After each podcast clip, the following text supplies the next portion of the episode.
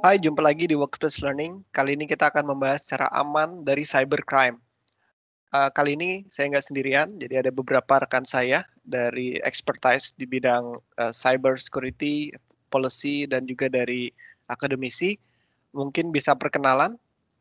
Silakan. Uh, ya, perkenalan nama saya Iwap Saputra Batan. Uh, saya kebetulan berkecimpung di cyber security di dunia cyber security. Uh, saat ini sedang uh, mengambil master di salah satu universitas di luar. Ya, jadi sejauh itu sih saya cukup mengikuti masalah cyber security dan cyber crime. Kebetulan juga fokus on data privacy juga. Ya mungkin itu aja sih sedikit background dari saya. Oke, terima kasih uh, Mas Iwap. Next, Mas Anton. Mas. Oke, terima kasih untuk Mas Dimas. Uh, perkenalkan nama saya Anton Siswara Harjo Ansori, biasa dipanggil dengan Anton. Saya salah satu dosen di Universitas Swasta di Kota Bandung uh, untuk sehari-harinya di bidang cybercrime ini pernah bersinggungan sedikit dengan teman-teman dari Polda Jabar seperti itu. Oke, uh, terima kasih Mas Anton. Selanjutnya bahan diskusi kita kali ini kita mulai seperti biasa dari definisi dan jenis-jenisnya dari cybercrime. Kemudian kita akan juga membahas beberapa cybercrime yang ada di dunia dan mungkin lokal di Indonesia seperti apa dan juga cara mencegah cybercrime. Jadi apa sih yang harus kita lakukan gitu. Mungkin pertanyaan pertama ya, ini saya tunjukkan ke Mas Iwap dan Mas Anton. Apa yang dimaksud dengan cybercrime? Kemudian apa saja jenis-jenisnya? Silakan um, Mas Iwap dulu. Uh, Oke, okay, terima kasih. Uh, kalau apa yang dimaksud dengan cybercrime ya uh, secara umum sih pengertiannya ya kejahatan yang dilakukan di dunia maya kalau secara langsung kita artikan secara langsung.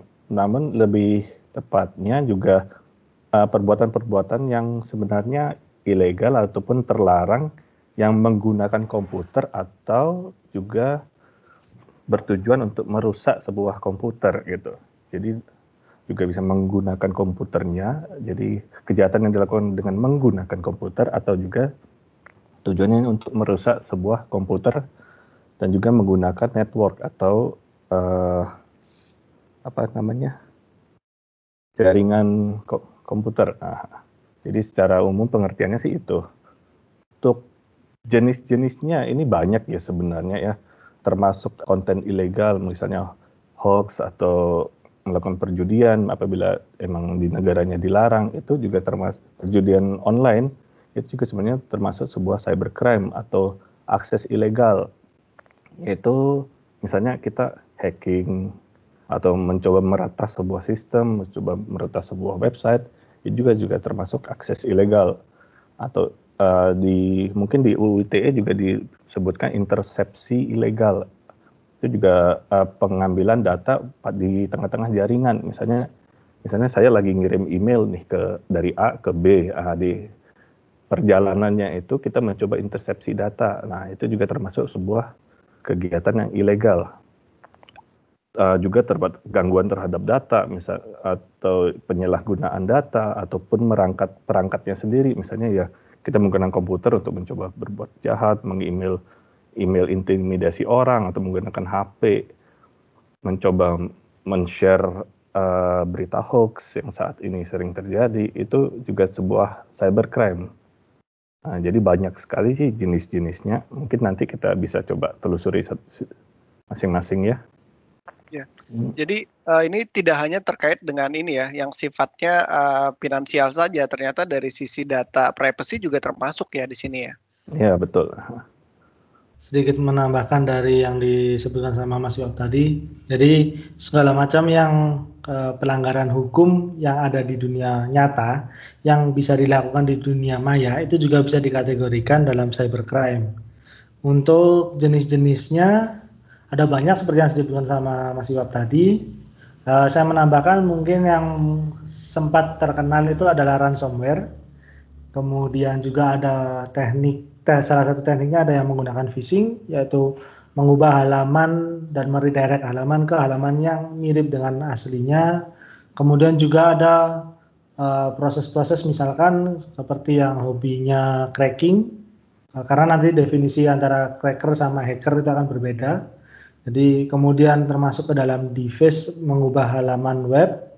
Kemudian ada juga yang berhubungan dengan mungkin kalau sekarang sudah sangat jarang dilakukan di Indonesia Eh, salah satunya adalah carding karena mungkin dulu ada sempat Indonesia terjadi blacklist massal oleh salah satu provider uh, kartu kredit dunia seperti itu.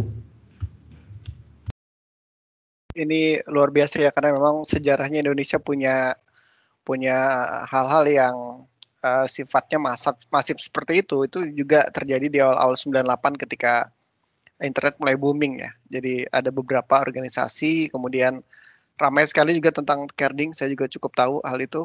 Nah, hmm. sekarang kita coba ngulik lagi ke lebih detail lagi ya. Uh, mungkin yang ingin saya tanyakan pertama kali adalah apa sih yang cybercrime dunia dan di Indonesia juga locally yang paling terkenal gitu. Yang paling terkenal maksudnya adalah yang paling masif, paling banyak merugikan orang banyak dan paling berat untuk di recover. Silakan. Siapa mau duluan? Kalau saya, yang mungkin yang paling kita ingat ya karena paling dekat juga waktu ada case ransomware WannaCry itu. Kalau nggak salah 2017 ya. Itu yang terutama sih me me menyerangi pengguna Windows ya waktu itu. Uh, yang di mana semua semua data, semua screen-nya di lock dan terus uh, yang meminta bayaran sejumlah ya tergantung waktu itu mungkin Mas Anton ya. bisa menambahkan. Oke, uh, salah satu yang mungkin terkenal di Indonesia, mungkin kalau kita pernah kenal situsnya KPU di tahun 2003 ada uh, ada Mr. Dani uh, yang pernah melakukan device dan mengubah data di KPU lewat warnet yang kemudian di sempat dijatuhin hukuman uh, pidana atau perdata ya saya lupa. Kemudian dia menjadi satu uh, penasehat, tapi tidak tidak disebutkan secara jelas di mana lokasi bekerja terakhirnya. Uh, kemudian juga ada yang uh, Mister apa itu ya, yang dia bisa mengubah jalur satelit. Salah satu pakar satelit yang ada di Indonesia yang dia pernah mencoba untuk menggeser jalur trajektori atau jalur perjalanan yang sudah ditetapkan sebelumnya dari sebuah satelit komunikasi yang ada di atas di atmosfer sana. Nah, kalau yang Jeff Geoffar, Jeff, salah kalau salah namanya Jeff. Nah, itu kira-kira yang mungkin tidak banyak yang tahu tapi di impactnya cukup lumayan. Karena Indonesia kemudian mulai menyadari bahwa kejahatan dunia maya itu bukan hanya sebuah cerita. Yang case cukup besar di Indonesia uh, data bridge-nya ini Tokopedia tahun lalu yeah. nggak salah ya. Iya, itu, itu jutaan ya 15 user ya. jutaan kalau nggak salah user. Uh -huh. Itu besar banget karena dan juga kita uh, sebagai pengguna akunnya juga langsung ya cepat-cepat saat itu mengubah password kita gitu karena saya juga salah satu korbannya juga gitu dan jadi ini yang yang memang sadar nggak sadar ya realitanya karena kita tergantung juga dengan adanya marketplace segala macam dan itu pasti kita akan punya akun di situ ya gitu dan umumnya kita mencantumkan data-data yang sifatnya private seperti itu gitu jadi itu itu salah satu yang menurut saya juga berbahaya gitu. Nah, mengulik cerita tentang cybercrime baik di dunia maupun Indonesia gitu ya. Sebenarnya cybercrime ini asal muasalnya uh, apakah orang itu memang iseng ataukah ini sebuah profesi? Seperti apa? Uh, menurut saya sih uh, ada dua sisi ya. Uh, karena terkadang kan kita iseng melakukan sesuatu, kita mencoba. Nah, itu nanti mungkin tadi yang juga disebutkan oleh Mas Anton, ada perbedaan antara hacker dan cracker. Itu itu biasa uh, seorang hacker itu kan lebih ke uh, apa ya komputer entusias ya dia mencoba mencari lebih mengenal lebih dekat tentang komputer, bagaimana network bekerja, bagaimana cara uh, data itu berjalan. Nah, sedangkan dari mungkin dari hal iseng itu dia menemukan celah dan menemukan apa istilahnya, uh, menemukan kesempatan. Nah, akhirnya cara atau ilmu yang dia miliki itu dipergunakan secara tidak baik gitu, secara ilegal. Jadi oh oh ini gini cara mungkin cara mencari celah keamanan sebuah website. Nah, ketika menemukan mungkin ah bisa nih data juga juga sekalian diambil dijual mungkin di black market gitu. Akhirnya dari sekedar hacker menjadi cracker. Sedangkan ya itu sih lebih tepatnya kadang ada kemunculan-kemunculan hacker kalau yang dikenal di dunia hacker hacker padahal ya lebih tepatnya kalau melakukan kegiatan ilegal sebutannya sih lebih ke cracker jadinya. Ya, jadi untuk awalnya bisa jadi mereka berasal dari iseng, kemudian karena tidak ada yang mengarahkan, mereka semakin lama semakin ingin tahu dan merasa uh, ada levelnya sebenarnya. Ada yang dari awal iseng itu adalah mereka yang masih wannabe, sampai yang versi elit, yaitu orang-orang yang memang sudah mengetahui dengan sangat detail setiap sistem yang dibangun mulai dari celah keamanan sampai ke dalam proses bagaimana cara menambal atau menutup celah keamanan tersebut. Nah, khusus untuk para pelaku cybercrime, biasanya uh, tergantung kepada masing-masingnya juga sih. Awalnya memang biasanya akan dimulai dari rasa iseng, rasa ingin tahu. Kemudian juga ada yang memang sengaja menjadi profesi, terutama mungkin di Indonesia tidak terlalu santer ya untuk profesi cybercrime seperti ini. Tapi kalau di luar negeri mungkin nanti barangkali masih bisa menambahkan, mungkin di luar negeri akan jauh lebih aware terhadap orang-orang yang memang profesinya sebagai cybercrime. Jadi orang-orang yang memang sengaja untuk merusak sebuah sistem untuk mendapatkan keuntungan tertentu seperti tadi seperti kebocoran yang ada di Tokopedia dan seterusnya yang kemudian mereka memang menjual di dalam uh, sebuah informasi. Kalau di dalam internet ada yang namanya uh, deep network yang dia tidak tersentuh oleh uh, Google sebagai sistem sistem mesin pencari. Yang kemudian istilahnya adalah di sana dijual sebagai black market yang bahkan sistem sistem mesin pencari pun tidak bisa mendeteksi situs tersebut Uh, benar sih kalau mungkin di Indonesia belum terlalu santer ya, sedangkan di luar negeri memang ada kita kalau kita ngomongin di dunia uh, hacker per hackeran ya, uh, di jadi perusahaan IT maupun perusahaan apa pun biasanya yang sudah besar mereka memiliki sebuah uh, departemen sendiri, biasanya namanya corporate information security atau dan sebagainya pokoknya. Uh, mereka memiliki memang uh, istilahnya kalau di sini ada blue team, ada red team. Jadi blue team itu tim pengamanan celah celah-celah network, celah-celah uh, ya network maupun sistem mereka. Sedangkan red team itu memang berusaha selalu mencari celah. Jadi ini merupakan sebuah profesi juga ya, jadi hacker ini. Jadi mungkin mereka dibayar untuk memang mencari celah agar bisa diamankan seperti itu. Jadi uh, mungkin di satu sisi yang hacker liar mungkin ya juga mereka menjual di deep network seperti yang Mas Anton bilang tapi secara umum di sini mereka juga bekerja untuk perusahaan mereka juga mencari celah jadi uh, bagian red team berusaha mencari celah bagian blue team berusaha menambal sehingga sistem mereka selalu, akan selalu aman jadi seperti itu. Oke, jadi saling ada uh, sebenarnya positif negatifnya juga ya gitu. Ketika dia mencoba me membuat formal organization di sebuah perusahaan, dia akan berupaya menghacking sistem dia sendiri supaya mereka bisa nutup celah keamanannya ya. Daripada itu dihacking uh, dari orang luar yang third party gitu ya, yang itu bisa jadi datanya malah dibikin sesuatu yang apa namanya? yang tadi dijual di deep market ya gitu. Cuman kalau kita tidak punya nih yang istilahnya um, yang orang emang spesialis untuk menghacking sistem dia sendiri gitu. Seberapa penting sih seorang administrator gitu ya perannya dalam menjaga settingan, menjaga keamanan database dan sebagai, sebagai macamnya. Dan capability apa sih yang harus mereka punyai?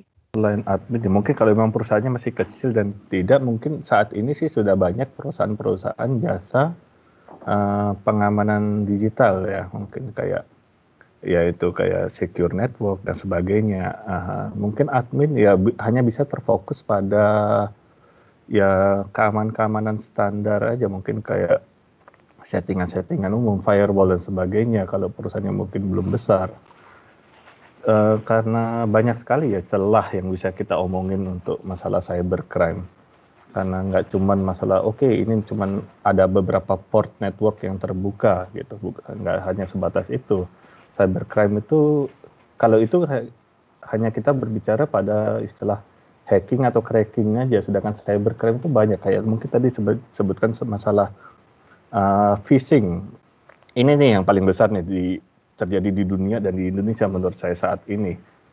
Case-nya paling banyak terjadi adalah phishing yaitu pengiriman email ke ya kepada sebuah orang dari seseorang yang biasanya berisi misalnya kayak sering nih terjadi uh, dari PayPal sering ini juga.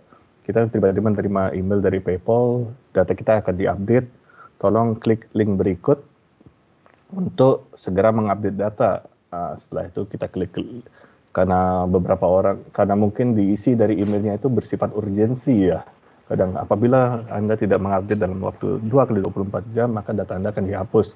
Bagi sebagian orang mungkin uh, PayPal itu adalah hal yang penting. Jadi secara panik, ya, secara panik orang akan langsung ngeklik gitu. Oh ini harus diupdate nih datanya secara cepat nih.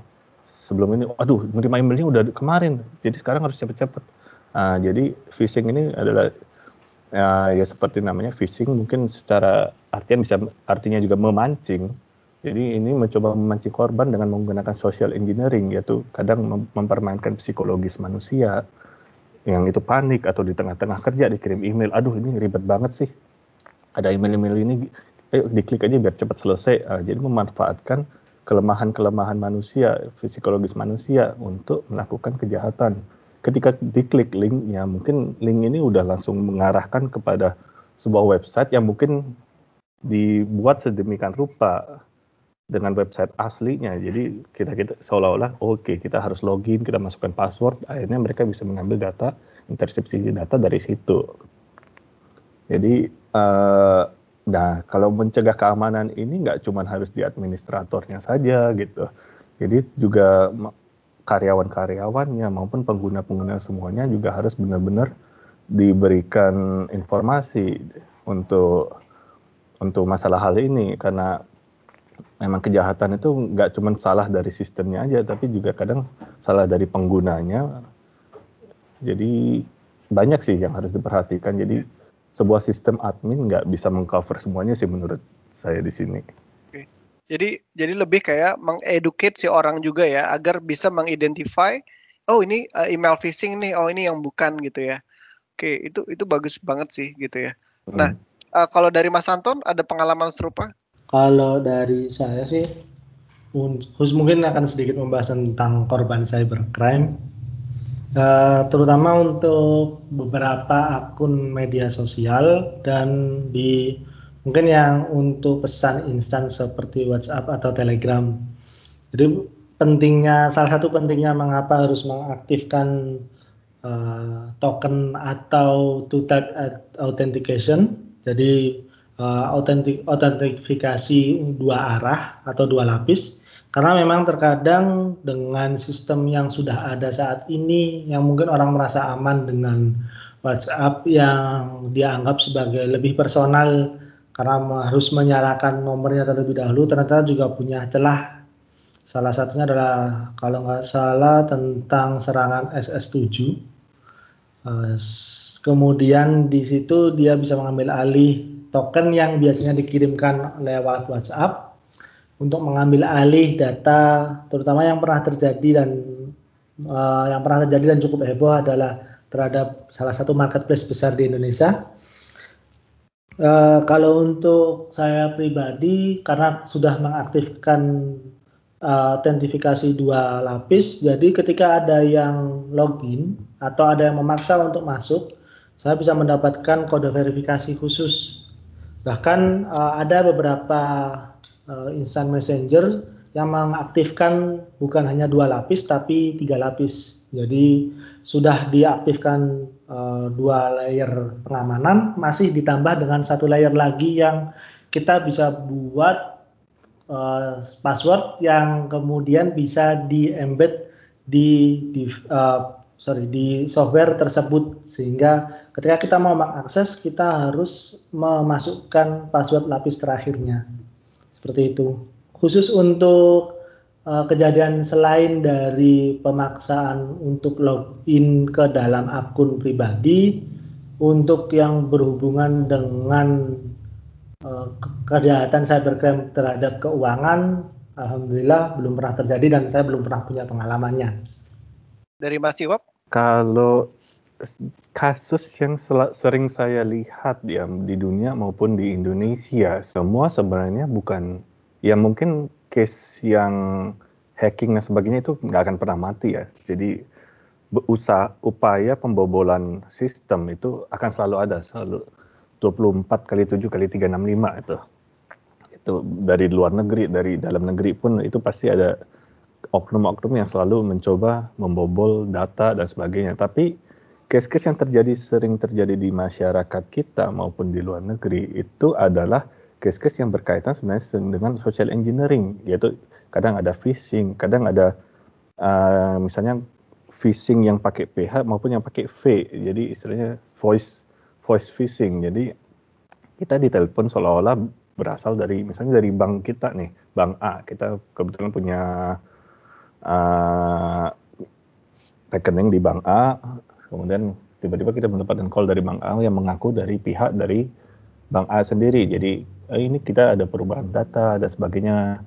Uh, jadi kita mau mencoba ngecek apakah data Anda masih aktif menggunakan bank ini. Uh, boleh minta data sebagian data Anda untuk verifikasi misalnya nama ibu kandung siapa, oke, okay, alamat sekarang di mana.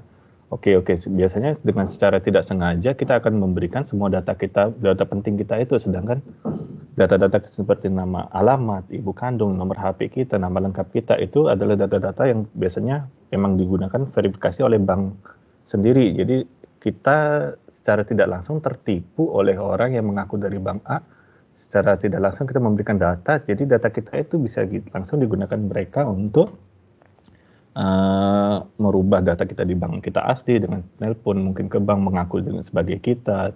Itu itu semacam identity theft jadinya ya. Data pribadi kita dicuri data diri kita dicuri untuk digunakan orang-orang lain.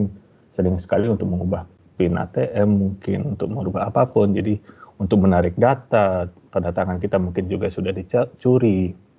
Jadi mungkin narik uang tiba-tiba datang mengaku sebagai si A dikonfirmasi ya kita berhubung kita sudah memberikan data kita jadi si pencuri ini sudah tahu jadi juga bisa untuk mengambil uang dan sebagainya.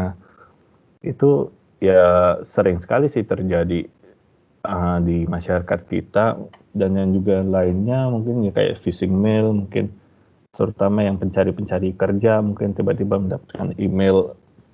Ini tawaran pekerjaan dan sebagainya, tolong transfer uang berikut ini untuk memberikan tiket, nanti akan diganti di di tempat tujuan dan sebagainya itu banyak sekali tuh kejadian itu juga. Mungkin juga lainnya case yang sering terjadi di kita pura-pura ada per, permintaan kode OTP ya ke handphone ini sering sekali sih ini. Kebetulan uh, orang terdekat saya juga pernah terkena ini tahun lalu. Tiba tiba-tiba ada call misalnya oh ini uh, ada WhatsApp masuk dari dari si A temannya kebetulan. Uh, uh, ini mau dimasukin grup WhatsApp untuk kegiatan ini gitu kegiatan B. Tolong dong ada kita ada kirimin kode OTP untuk bisa masukin. Ah ternyata kode OTP yang sebenarnya dikirim itu untuk mengganti, untuk mencuri akun WhatsApp-nya. Nah, jadi waktu itu kebetulan karena tidak tahu dan kebetulan kayak kebetulan sekali kegiatan itu juga akan diselenggarakan, jadi kayak diberikan saja kode OTP itu secara ini, kemudian uh, beberapa jam berikutnya akun WhatsApp-nya sudah pindah ke handphone orang lain yang digunakan untuk meminta uang. Kebetulan waktu itu kebetulan waktu itu kayak ya semacam minta uang dan sebagainya atau untuk kegiatan A ini kita butuh ini menghimpun dana dan seperti itu. Jadi ya digunakan untuk hal itu juga. Jadi uh, kejahatan-kejahatan yang sekarang sering terjadi itu lebih ke sifatnya menggunakan social engineering daripada uh, langsung menggunakan sistem itu sendiri langsung kayak berusaha ngehack handphone orang berusaha ngehack itu itu uh, lebih tepatnya sekarang karena kelalaian kita aja sih sebagai pengguna atau pemilik data dalam menggunakan atau menyebarkan data kita itu sih yang paling sering terjadi nih korban-korban sekarang. Oke, ini ini menarik ya kalau kita lihat dari akarnya kan sebenarnya uh, kalau terkait phishing email tadi gitu ya. Sebenarnya kalau kita nggak pernah nge-share email kita gitu ya dalam konteks uh, mungkin saya juga pernah nih uh, saya punya email corporate tiba-tiba suatu hari ada email serupa gitu ya menanyakan sesuatu gitu. Yang saya tuh inget banget nggak pernah saya share email corporate saya secara online. Tapi orang ini bisa tahu gitu ya dan ini kan uh, ngeri ya dalam tanda kutip. Dan saya saat itu memang langsung saya coba laporkan ke IT dan di delete gitu ya. Jadi memang di situ saya udah aware nih gitu bahwasanya ada yang seperti ini. Nah, cuman pertanyaannya kan level maturity setiap orang itu kan beda-beda ya gitu. Ada yang aware banget dengan digital things like this gitu. Ada yang mungkin dia tuh awam banget gitu. Jadi gampang banget ketipunya gitu. Nah, kira-kira ada tips nggak how to identify dan tadi mungkin dari Mas Anton kan uh, self protectnya kan sampai beberapa kali berlapis-lapis ya keamanannya. Tapi kan orang ini nggak ngerti ya dia nggak Eh, nggak uh, tahu kalau itu tuh penting gitu dan tergerak ke sana aja mungkin belum. Ah yaudah pakai password aja deh gitu. Passwordnya aja mungkin simple banget gitu ya satu kata dua kata gitu. Nah uh, gimana sih caranya kita bisa lebih bisa aman gitu dari sini? Kalau dari saya salah satu yang mungkin kita, tadi sempat disebutkan sama Mas Iwab juga jangan biasakan untuk melakukan share uh, kegiatan kalian di media sosial itu yang pertama. Yang kedua uh, biasakan untuk selalu melakukan masking atau menutup nomor NIK atau tempat tanggal lahir kalian ketika ada di KTP. Ketika misalkan kalian mau melakukan sebuah uh, informasi transaksi yang membutuhkan verifikasi KTP, ada kemungkinan untuk yang bukan dari aplikasi resmi diusahakan ditutup atau misalkan kalian sedang berhubungan dengan teman kalian atau dengan orang baru yang kemudian membutuhkan verifikasi, verifikasi KTP, maka diusahakan nama, uh, sorry bukan nama, uh, eh, NIK, nomor NIK, nomor uh, nomor induk kependudukan dan tempat tanggal lahirnya ditutup karena itu adalah salah satu informasi penting yang ada di dalam dunia perbankan.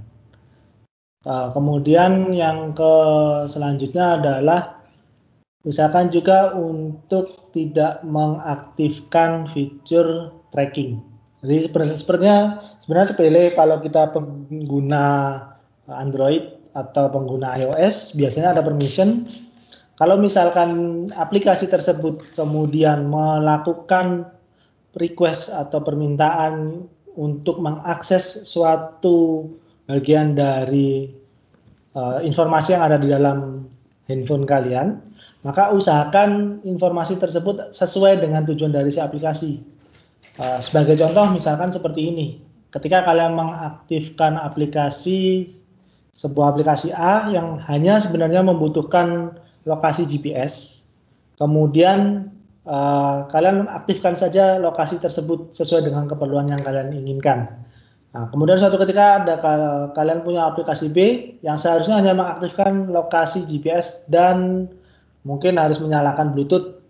Nah, suatu ketika ada request tambahan dari aplikasi tersebut untuk mengakses phonebook. Nah, biasanya yang kita kurang aware itu ada banyak pilihan jadi uh, banyak kalau dari sisi Android karena saya juga sebagai pengguna Android di situ biasanya ada banyak pilihan untuk melakukan aktivasi permission atau permisi untuk melihat atau bisa mengakses bagian-bagian yang ada di, dari handphone yang kalian miliki, maka usahakan jeli. Karena terkadang mereka meminta requestnya satu persatu. Nah, kita sebagai pengguna kadang sudah ah ya sudahlah saya ngambil gampangnya saya next semuanya. Saya selesai saya tinggal pakai aplikasinya. Tanpa saya tahu bahwa aplikasi tersebut bisa jadi mengakses daftar phonebook kalian email kalian dan seterusnya. Kira-kira seperti itu yang dari saya. Oke dari Mas Iwap uh, kalau dari saya sih tambahan uh, gampangannya yang bisa sehari-hari yaitu gunakan password yang kuat ya. Jangan password 123 semacam itu atau tanggal lahir atau nama nama sendiri nama ibu kandung. Kalau bisa yang mungkin macam yang unik lah maksudnya. Coba mencari yang unik jangan sampai yang berhubungan dekat sekali dengan kita. Yaitu kayak nama mungkin nama tanggal lahir. Biasanya kan sering tuh misalnya IWAP 315 misalnya gitu. Itu menjadi password. Itu gampang sekali itu ditebak. Uh, mungkin kalau di HP, di software, di komputer juga selalu upayakan software update. Itu penting juga menurut saya. Karena dari uh, penyedia software pasti juga selalu mengupdate uh, software mereka untuk agar lebih aman, untuk menutup celah-celah yang ada gitu. Uh, yang lain, mungkin kalau di organisasi, mungkin untuk di organisasi bisa diadakan security awareness campaign maupun security awareness training. Mungkin juga ini sih pengalaman saya kebetulan saya pernah internship di sebuah organisasi perbankan di sini. Kebetulan saya di bidang uh, di departemen di departemen information security-nya kebetulan saya bertugas sebagai satu, untuk security awareness training, yaitu memberikan training kepada user-user bagaimana cara mengamankan data, bagaimana selalu paling dasar itu selalu lock komputer ketika uh, pergi dari meja, uh, jangan jangan selalu panik apabila menerima email yang berisi ancaman atau berisi update dan sebagainya. Itu juga kerjaan saya mengirim phishing-phishing mail kepada seluruh karyawan untuk ngetes siapa saja yang terjebak, siapa saja yang ini. Kemudian saya juga berikan training maupun awareness bagi mereka agar selalu tidak pernah sharing password, sharing ya mungkin kayak uh, Mas Dimas tadi sharing email maupun sharing-sharing data personal lainnya.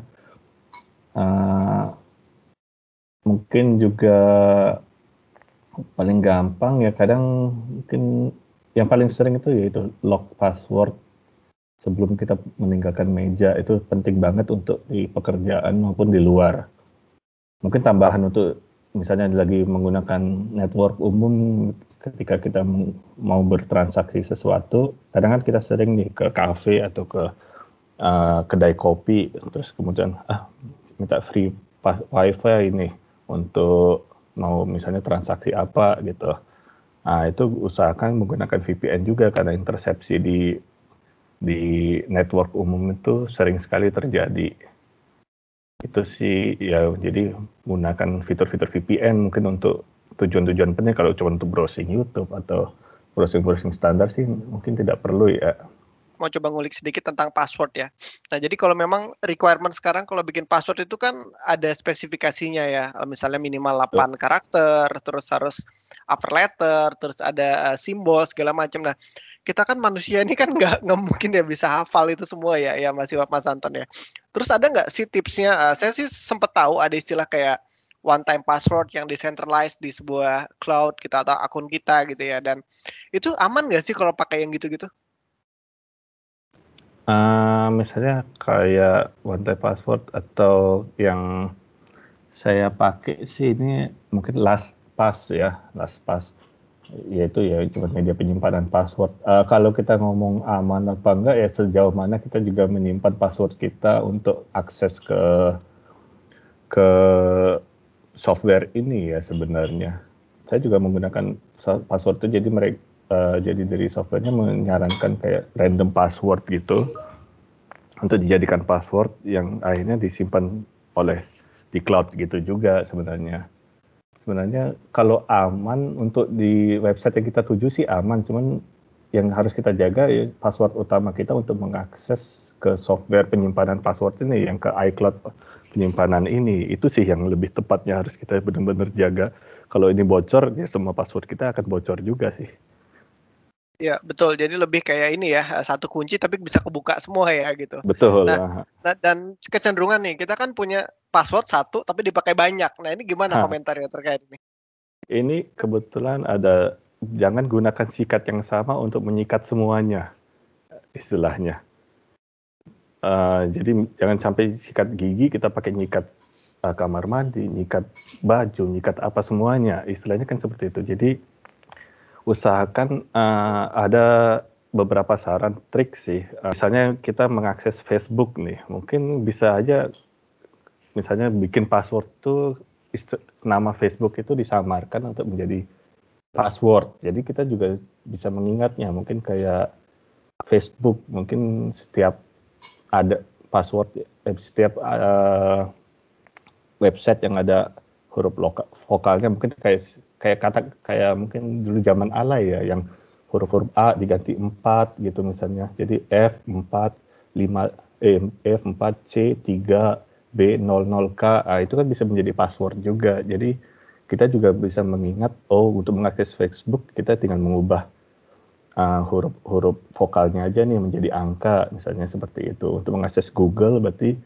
G atau 6006 L3 misalnya seperti itu kan bisa jadi password. Jadi beberapa trik sih bisa digunakan juga atau tambahkan beberapa huruf di depan misalnya Facebook tambahin huruf ABC Facebook ABC 123 misalnya seperti itu. Jadi Google ABC 123.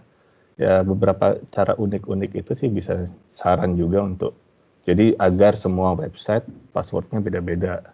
Tapi mudah diingat juga gitu. Ya itu itu penting banget sih menurut saya dan dan lebih penting lagi uh, mungkin dari tadi Mas Santo cerita ya terkait dengan uh, Anda melakukan sampai double triple security kan gitu. Itu kan Anda ya. Nah, gimana Anda meyakinkan orang lain gitu ya untuk melakukan hal sama Mas Santo?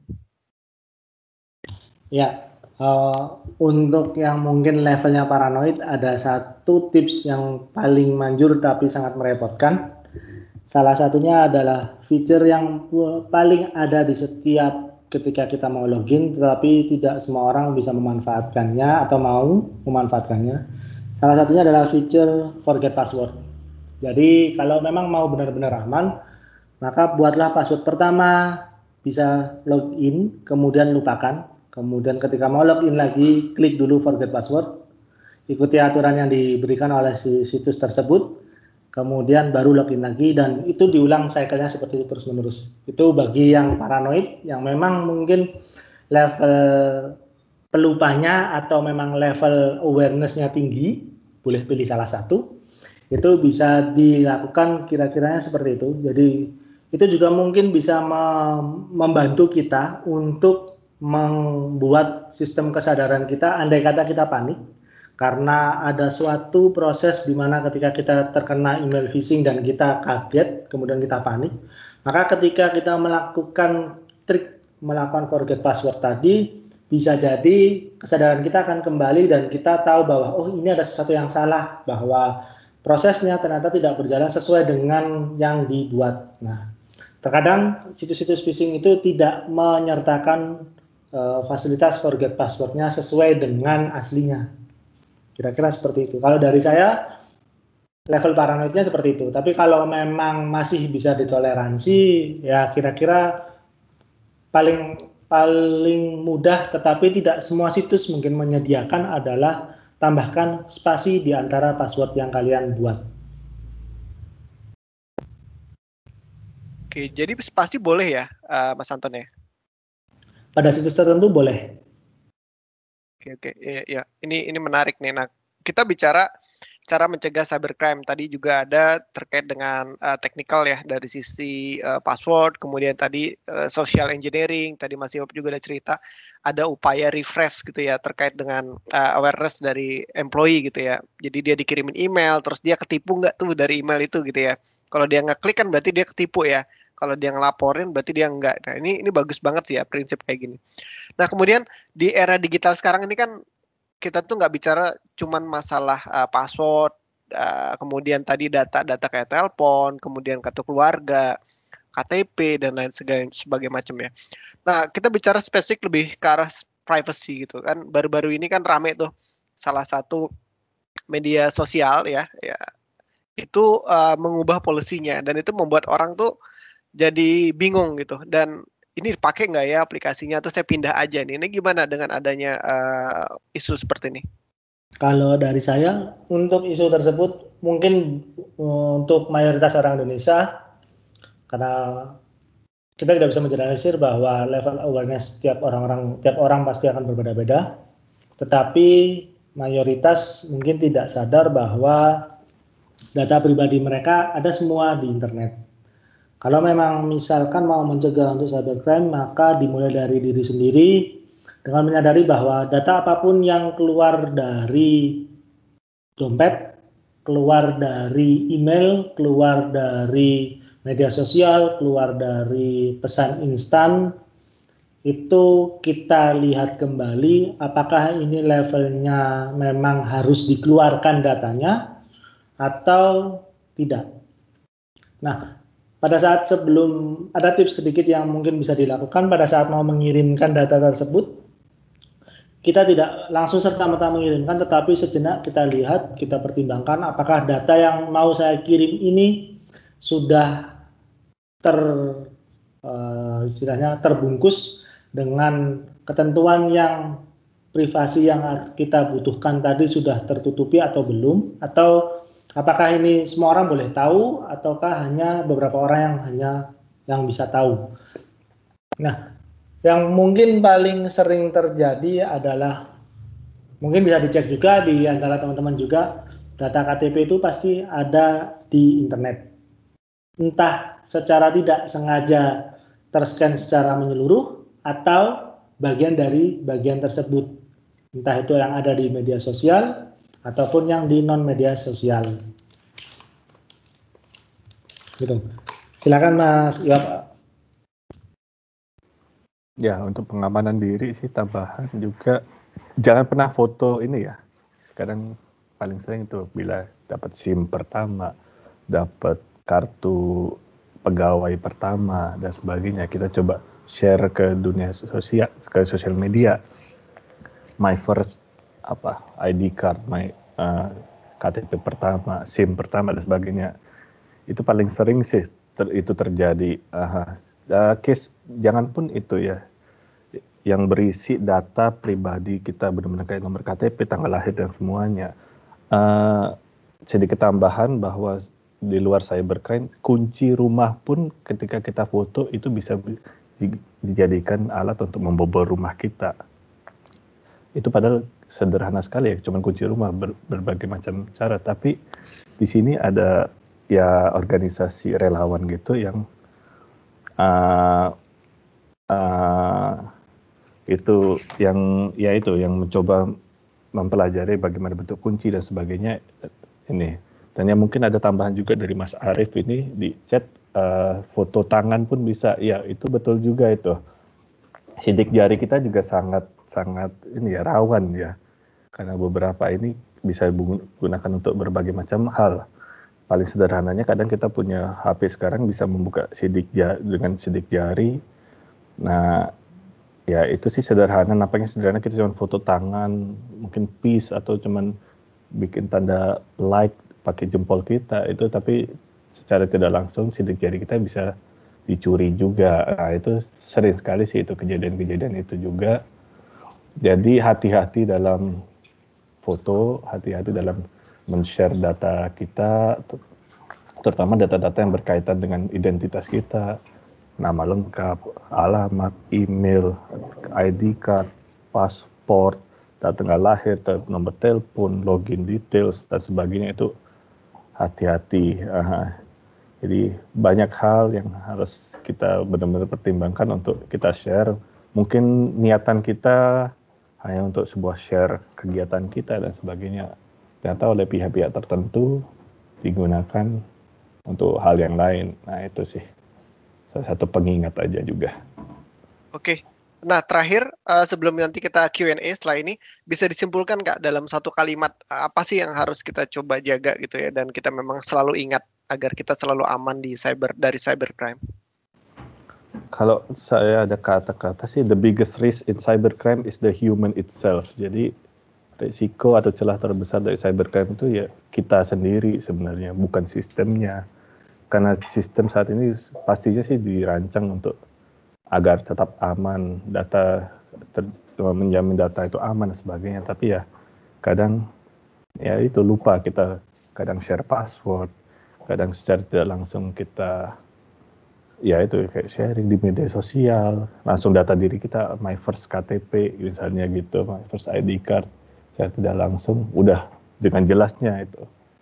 Ya yes, kesimpulannya sih hati-hati aja dalam men-share data maupun foto. Oke, okay. uh, Mas Anton? Ya, uh, dalam satu kalimat kira-kiranya adalah apa yang ada di dalam isi dompetmu jangan dikeluarkan ke media sosialmu. Jadi segala macam yang ada di dalam isi dompet, yang kalian masukkan segala macam kartu yang ada dalam dompet, maka jangan sekali-kali melakukan upload ke dalam media sosial atau ke dalam internet. Sebisa mungkin, terutama untuk yang penting seperti KTP, SIM, kemudian uh, mungkin yang lainnya juga punya kartu pegawai dan seterusnya, diusahakan tidak pernah melakukan upload ke internet terutama ke media sosial seperti yang disampaikan juga sama Mas Iwab karena di situ data ketika sudah ada di internet pilihannya hanya ada dua tidak terhapus dan dapat digunakan oleh siapa pun baik itu oleh kalian sendiri maupun oleh orang-orang yang tidak bertanggung jawab agar bisa mendapatkan keuntungan dari data-data yang dimiliki. Seperti itu. Oke, okay, impresif. Nah, uh, terima kasih banyak Mas Iwap dan Mas Anton. Kali ini kita akan masuk ke Q&A session. Mungkin ada audien yang ingin bertanya, silakan. Yuk, malam teman-teman. Malam. Uh, jadi mau tanya sih, uh, jadi kita kan emang di dunia cyber uh, crime itu emang uh, punya experience uh, orang-orang jadi kayak paranoid sendiri gitu. Uh, contohnya seperti kayak waktu uh, salah satu media sosial kemarin, uh, ketika dia di uh, secara polisinya diatur oleh uh, induknya, jadi kita sebagian besar orang-orang jadi mikir uh, kayak data kita, semua privasi kita akan di share ke uh, induk perusahaan. Tapi sebenarnya mereka itu pun juga sebenarnya nggak tahu data apa yang di share ke induknya. Apakah datanya itu cuma sekedar nama ataukah sekedar uh, apa namanya phone numbernya ataukah uh, teks-teksnya itu akan dikirim, image-nya akan dikirim. Nah, uh, yang pengen saya tanyakan itu sebenarnya uh, gimana sih cara apa namanya uh, memberitahu masyarakat itu sebenarnya nggak nggak sekejam itu gitu loh. Masalah privasi data yang apa namanya di yang akan di share oleh uh, pengembang apps terbesar salah satu pengembang apps terbesar. Mana mungkin sih mereka itu uh, dengan mudahnya nge-share hal-hal yang bersifat sensitif seperti katakanlah kalau misalkan saya nge-share uh, foto KTP saya ke adik saya Nah, apakah seperti itu tuh uh, menjadi hal yang membahayakan gitu. Padahal ya kalau saya pikir uh, secara nalar ya, secara logika perusahaan gede itu ya nggak mungkin lah kayak gitu enkripsinya juga bagus. Nah, apakah mereka akan nge-share juga ke induknya. Nah, gimana sih uh, memberitahukan ke masyarakat tuh nggak nggak perlu separanoid itu gitu loh. Oke, silakan. Uh, Terima kasih Mas Oki atas pertanyaannya. Uh, benar sih apa yang seperti Mas Oki bilang, uh, terutama case yang sosial media, social network terakhir ini ya yang menyebabkan banyak masyarakat panik, bahkan berpindah haluan juga untuk mengganti tanpa tahu sebenarnya data apa sih yang sebenarnya di-share ke perusahaan induk, data apa yang sebenarnya masih tersimpan baik dan sebagainya. Memang untuk case kemarin ini banyak sekali berita, terutama berita-berita hoax langsung ya, yang menyebar bahwa data kita diambil, data kita dicuri semua gambar kita bisa mereka gunakan bisa, semua percakapan kita dan sebagainya. Itu banyak sekali berita-berita yang tersebar. Uh, kalau untuk di orang awam kita agak susah ya untuk namun terkadang karena perusahaan besar itu mereka mengeluarkan policy baru privacy policy baru itu dalam bentuk kata-kata sebenarnya kayak kata-kata hukum kan seperti di privacy policy yang bisa kita baca yang mungkin setahun setelah setahun kita baca baru kita habis membacanya. Sebenarnya harusnya mereka juga uh, mungkin dari perusahaan-perusahaan penyedia layanan itu bisa mengeluarkan semacam hipnosis saja. Uh, intinya apa sih yang mereka update uh, dibahasakan awam. Saya melihat dari sebuah perusahaan uh, pencarian uh, sebuah uh, search engine company besar ya itu sudah mulai melakukan ini. Jadi merubah corporate communication mereka uh, dengan mengganti bahasa-bahasa rib. Mereka tetap memiliki bahasa-bahasa ribet ala hukum untuk di privacy policy mereka karena itu mereka wajib. Hanya saja mereka juga mengumumkan secara resmi dari media resmi mereka untuk benar-benar kayak ber, untuk menyampaikannya ke uh, ke publik ya ke orang awam bahwa kita menghadapi ini ini ini bahwa data Anda misalnya gambar tidak tidak kini hanya kita mengambil data lama percakapan Anda, lama penggunaan aplikasi Anda dan semuanya terenkripsi atau bisa mungkin kata enkripsi diganti juga. Jadi mencobalah dari perusahaan-perusahaan itu menggunakan bahasa-bahasa orang awam agar orang juga mudah memahaminya dan itu harus melalui media resmi mereka, misalnya blog resmi atau media sosial resmi mereka. Jadi itu sih utamanya, itu yang cukup berpengaruh juga misalnya. Jadi orang juga akan paham, oh jadi cuma batasan ini, jadi dah aman data kita, data kita tetap terenkripsi, data kita tetap aman, data kita tetap tidak dibaca, foto kita tidak dilihat, dianalisa dan sebagainya. Jadi sih emang harus ada media resmi dari mereka untuk menyampaikan dengan cara baik dan cukup dipahami publik. Oke, okay, um, good question. Terima kasih uh, Mas Iwap dan Mas Anton ya udah join di Workplace Learning. Uh, terima kasih banyak. Uh, semoga pembahasan kali ini bermanfaat dan nggak bosan-bosan nanti join lagi di sesi berikutnya ya. Oke, terima kasih semuanya. Terima kasih banyak. Mari.